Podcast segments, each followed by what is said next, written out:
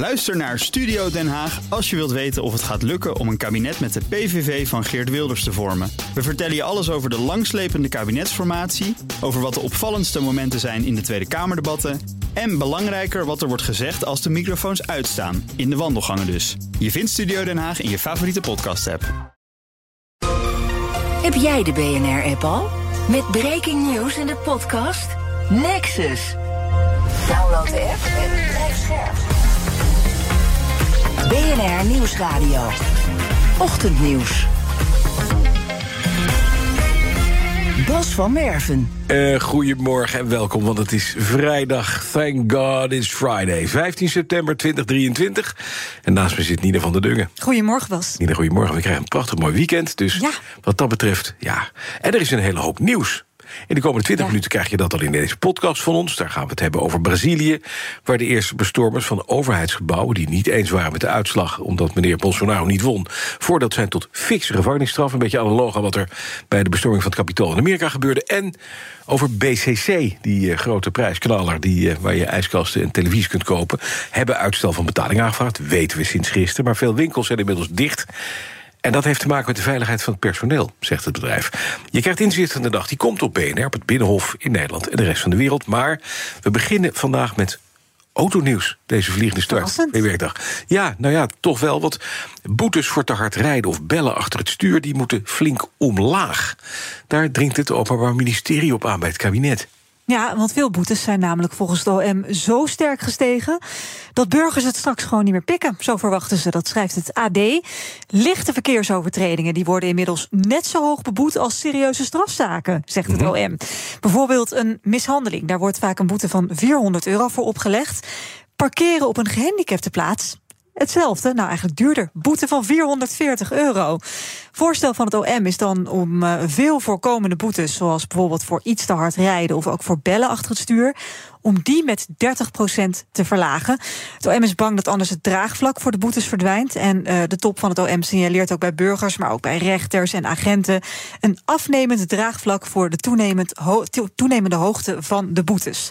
Het OM waarschuwt dat dat ervoor kan zorgen dat agenten vaker een waarschuwing gaan geven. Hè? Nou, meneer niet meer doen, mevrouw niet meer doen, in plaats van toch die boete op te leggen. En dat burgers ook vaker in beroep zullen gaan als ze toch die hoge boete krijgen. Deze maand besloot het kabinet om, uh, net als een jaar eerder, de boetes voor veel kleine verkeersovertredingen vanaf 1 januari flink omhoog te gooien. Dit keer met 10 procent. Daarvan is 5,7 procent vanwege de inflatie. Maar de rest is gewoon puur om gaten in de begroting te dichten. En het gevolg daarvan is dat bijvoorbeeld door roodrijden volgend jaar 300 piek gaat kosten. Onnodig linksrijden ook 300 piek. Niet handsfree bellen 420 euro. En als daar 30 procent vanaf zou gaan, zoals de OM wil, dan kost bellen achter het stuur voortaan nog maar een schamele 294 oh, euro. Veel beter. Het OM beklaagt zich uh, achter de schermen natuurlijk al langer hierover... bij het ministerie van Justitie over de verhogingen van de verkeersboetes. En nu zetten ze het in de krant. Hm. Dus dan weet je, het is uh, menens. Ander autonieuws. Een dalende vraag en een groeiend aanbod zorgen ervoor dat de leaseprijzen van elektrische auto's, van de EV's, zijn gekelderd. Als je je oude auto wil inruilen voor een nieuwe, is bij sommige maatschappijen 8%, ben je 8% goedkoper uit dan het vorige jaar. Blijkt de analyse van Leasevergelijker. We hebben dat uh, gevraagd aan Leasevergelijker als BNR. Bij ons is Wilbert Filippo van Leasevergelijker. Goedemorgen. Goedemorgen, Bas. Ja, de, dalende vraag, groeiend aanbod. Ja, niemand wil die dingen, maar de markt produceert nog steeds. We krijgen die enorme plas eh, met de Chinese EV's op ons af. Waar mevrouw Ursula von der Leyen deze week nog een eh, probleem, of een, een probleem in zag en een onderzoek naar start. Uh, maar ja, de gein is natuurlijk voor de consument. Je kunt nu deals slaan. Hè? Ja, de, we zien dat er voor het, eigenlijk voor het eerst in, in tijden weer gewoon deals gemaakt worden met kortingen, met uh, cashback deals. Um, we zien dat er gebruikte elektrische auto's tegen hele lage prijzen worden ingezet. En, en ja, eigenlijk, we spraken elkaar vorig jaar. Toen hadden we het over een perfect storm van stijgende prijzen. Ja. Um, en eigenlijk zien we in, in een hele korte tijd, in een jaar tijd, zien we een soort omslag, een soort perfect storm in, in En dat is, ja. eh, ja, en, en nou ja, in, mijn, in mijn 20 jaar in de autoleasebranche, ik zei ook vorig jaar, ik heb nog nooit zoveel stijging meegemaakt in, in een jaar tijd. En nu heb je nog nooit zoveel daling meegemaakt. nu heb ik eigenlijk nog nooit zoveel daling meegemaakt. Ja. Dus ja, er, er gebeurt echt wel wat in de markt op dit moment. Zeker, maar inderdaad, je kunt dus deals eh, sluiten. Als je nu eh, een nieuw lease deal moet, moet, moet aangaan... dan is dit het moment om te gaan kijken... en die overstap te maken naar EV's. Dat is mooi, hè? Dat is Ja. ook een vorm van stim- stimulering. Ja, absoluut. Ja, nou, en en, en ik, hoorde, ik, hoorde, ik hoorde v- vorige week van iemand uit mijn netwerk... die kocht een nieuwe ID5 en die kreeg echt gewoon die kreeg 10.000 euro korting bij de, bij de dealer. Oh. Nou, dat is werkelijk eh, ongekend. Als u maar meeneemt. Dus, dus Ja. ja, Oh. ehm, eh, ja eh, op dit moment als je een auto wil gaan leasen... ga heel goed rondkijken waar je een mooie deal kunt krijgen. Ja, precies. En de leaseprijzen voor fossiele auto's. Dus, dus auto's met, een, met, een, met een motor op benzine of diesel. Zien we die prijzen ook dalen of niet? Ehm, nog niet. Ehm, want eigenlijk verkopen eh, brandstofauto's wel, wel goed door. Ja. Ehm, je ziet natuurlijk dat met elektrische auto's... er was een onderzoek van de Universiteit Groningen vorige maand... dat, dat 77% van de elektrische rijders heeft bijvoorbeeld zonnepanelen op zijn dak... eh, en heeft een oprit. En, en die markt van mensen die elektrisch willen rijden... en die de mogelijkheid hebben om dat makkelijk te doen... Ja, die is haast eigenlijk een beetje verzadigd. Ja. En de volgende stap zijn mensen die hebben dus geen zonnepanelen, die hebben geen oplaadpaal. En dan, dan, dan, ja, dan moet je, waar moet je dan gaan laden? En, en wat, doen die, wat doen die stroomprijzen? En ja, ook die consument die is gewoon toch wat terughoudend om, eh, om een elektrische auto te kopen. Dus Ja. de, de brandstofauto's die hebben gewoon eigenlijk weer meer aandacht. Mhm, dat gaat die- en, en, dus ook, en, en dus ook hogere prijzen. Of hoge prijzen, die dalen niet mee. Die dalen nog niet mee. Nee, het zijn vooral de elektrische auto's waarvan we zien dat er eh, acties meegevoerd worden en dat, er, eh, en dat de prijzen omlaag gaan. Nou, dankjewel voor de toelichting. Wilbert Filippo, oprichter van Lease Vergelijker. Ja, en sinds een minuut of tien is het feit, voor het eerst in de Amerikaanse geschiedenis, wordt er tegelijkertijd gestaakt door de leden van de machtigste vakbond van Amerika, de United Auto Workers, de UAW. En die staken tegelijkertijd bij drie, de grootste autofabrikanten in Amerika, bij verschillende fabrieken uiteraard, want niet alles ligt plat, er zijn honderden fabrieken.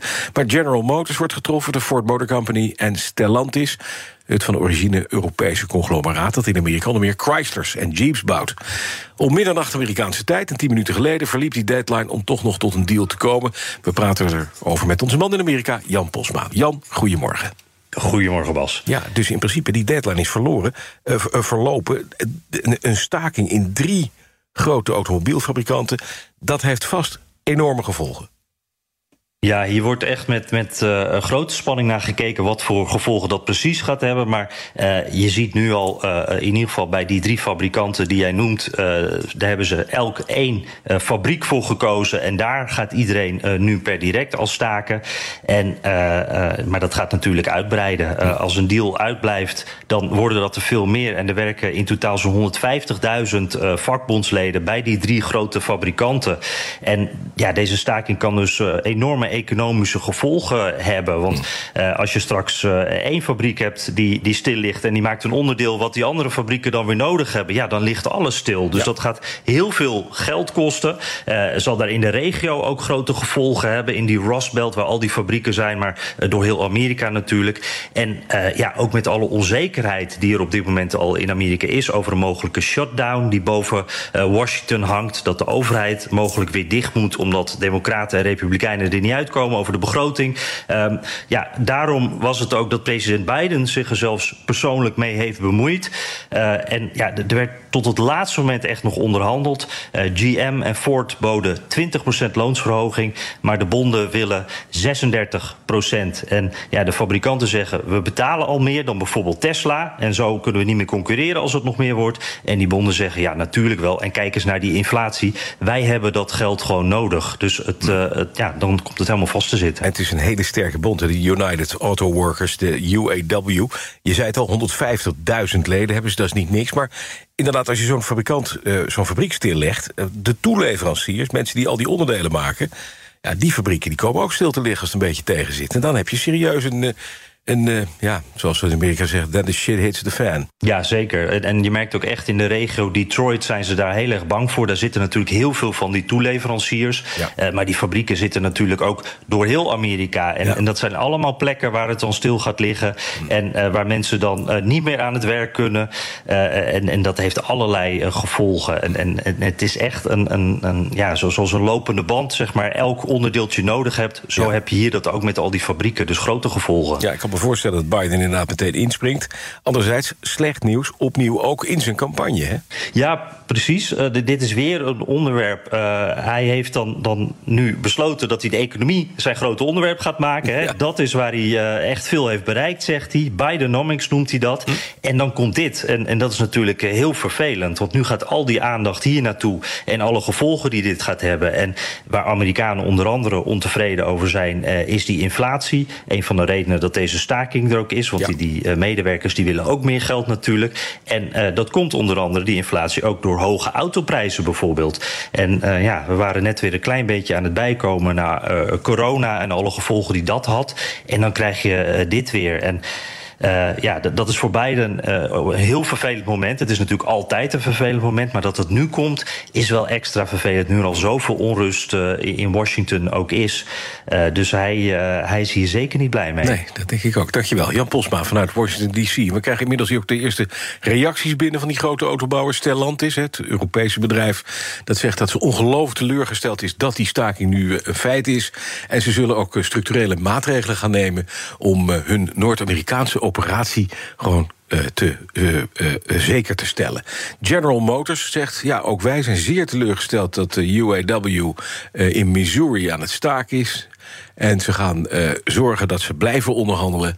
Uh, in, in, het goede vertrouwen dat ze eruit gaan komen met de UAW. Maar heel significant, Nina, was wel interessant. Sean Vane, dat is de vakbondsleider van de, de Auto Workers Union... die weigerde laatst wel een hand te geven... toen hij met de grote baas aan tafel zat. En heeft gezegd, een verklaring die toevallig zag voorbij komen op CNN... voordat die staking een feit werd.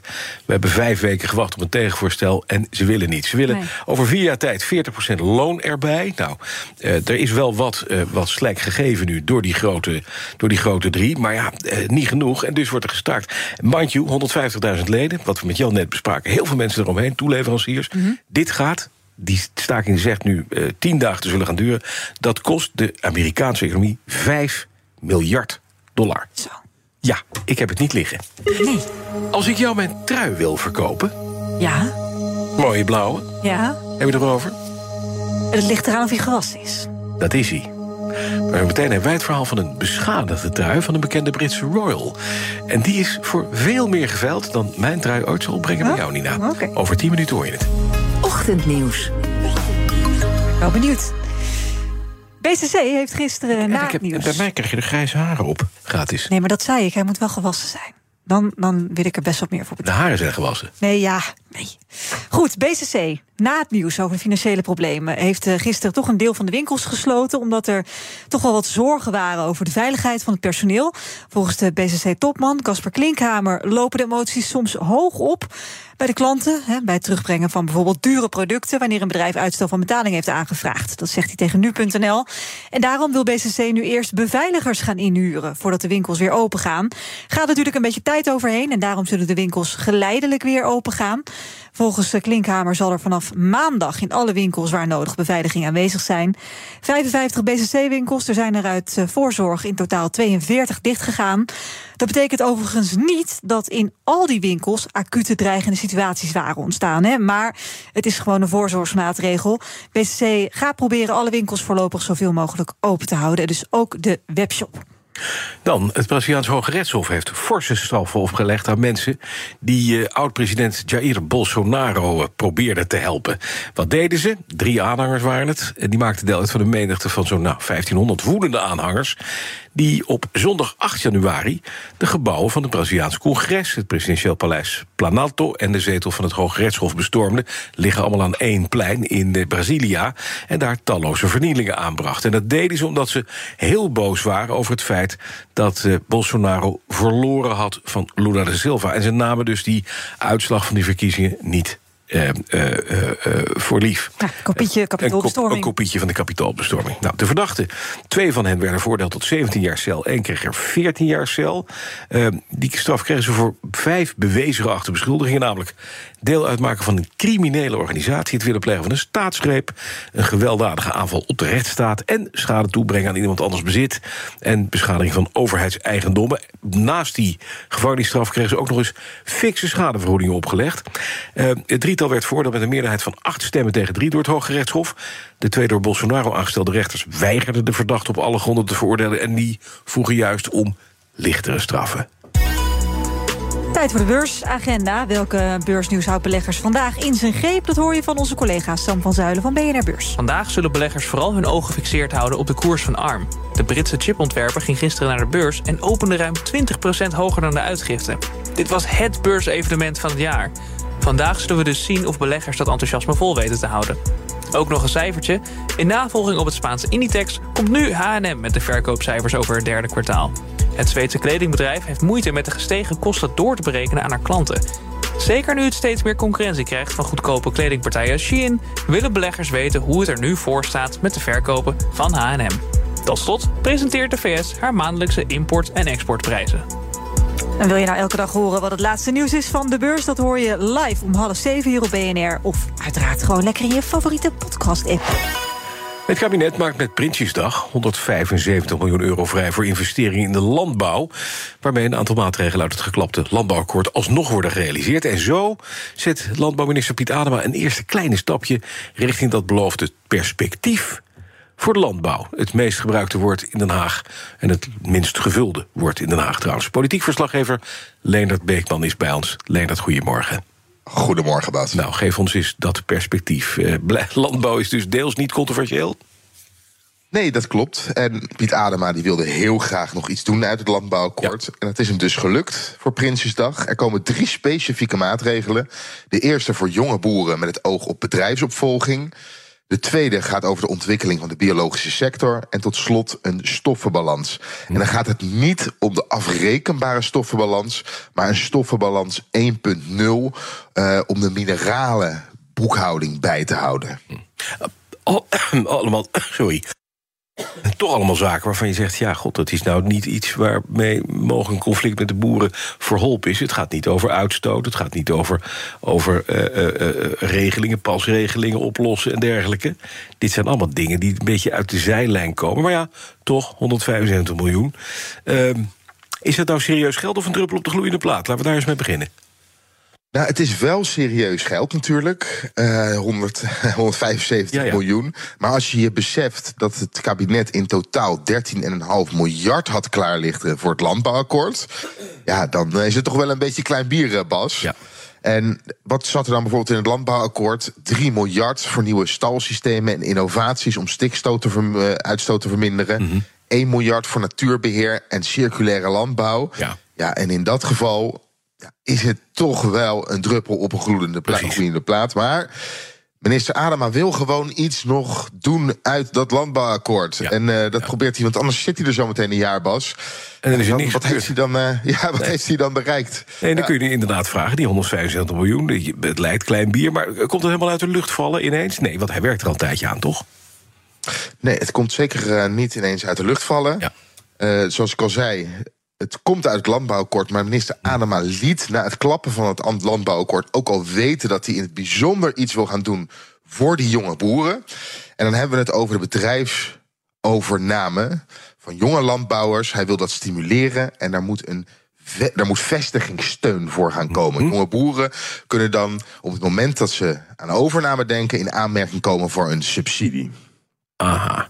Nou, eh, mooi. In ieder geval, dat geld komt er. Prinsjesdag komt er ook aan met rassenschreden volgende week, dinsdag. Uh, is Den Haag er klaar voor? Ja, Den Haag is er wel klaar voor.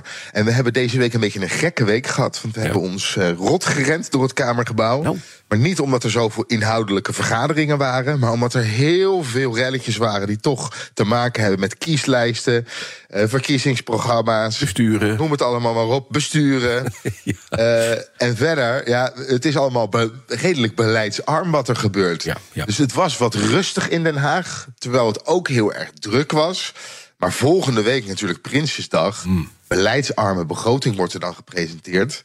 Maar we krijgen wel de algemene politieke beschouwingen.